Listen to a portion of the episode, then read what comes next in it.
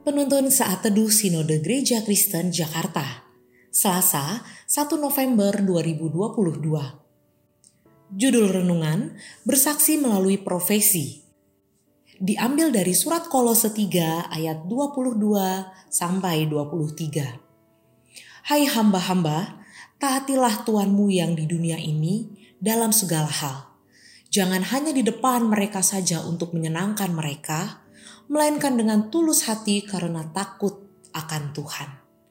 Apa pun juga yang kamu perbuat, perbuatlah dengan segenap hatimu seperti untuk Tuhan dan bukan untuk manusia. Dr. Lee Agustinus Darmawan, Doktor of Philosophy, spesialis bedah, spesialis bedah toraks kardiovaskular, adalah pendiri rumah sakit apung.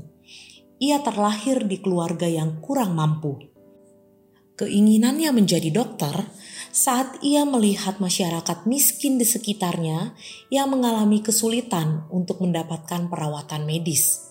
Sejak itu, ia bercita-cita untuk menjadi dokter, dan ia berusaha keras untuk bisa mencapai cita-citanya, sekalipun tidak jarang teman-teman menertawakannya.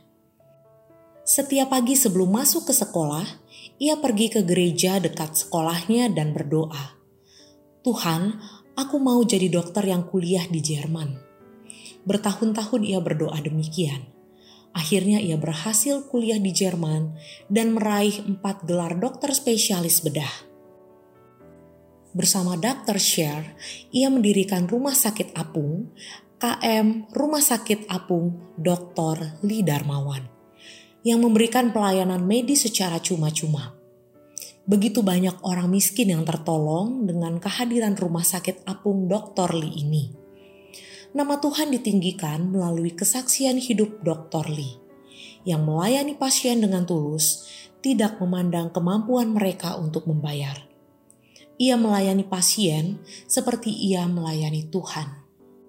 Rasul Paulus mengajar jemaat di Kolose bagaimana mereka harus bekerja sebagai orang percaya Bila mereka bekerja sebagai seorang bawahan, mereka harus menaati tuannya, sekalipun tidak ada yang melihat dan mengawasi mereka saat bekerja. Ketundukan dan ketaatan kepada atasan bukan dilakukan dengan terpaksa karena mereka telah membayar kita.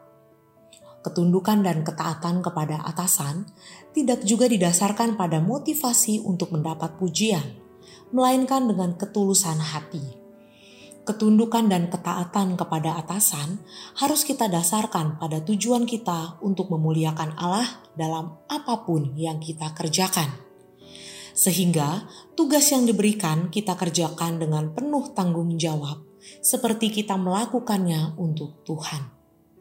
Demikian pula bagi kita seorang majikan. Firman Tuhan mengajar kita untuk bersikap adil dan jujur kepada bawahan kita memerhatikan dan memedulikan keadaan mereka, seperti Tuhan peduli kepada setiap kita. Ada banyak hal yang dapat memengaruhi komitmen kita sebagai orang percaya. Seringkali ketaatan dan kejujuran kita sangat diuji dalam dunia kerja. Namun, sebagai orang percaya, kita harus berpegang teguh pada firman Tuhan untuk tetap menyaksikan Allah dalam pekerjaan kita kita adalah misionaris kerajaan Allah di dunia pekerjaan kita. Andalkanlah Tuhan. Tunaikan pekerjaan kita bagi Kristus, maka pekerjaan kita akan menyaksikan Allah. Terpujilah nama Tuhan.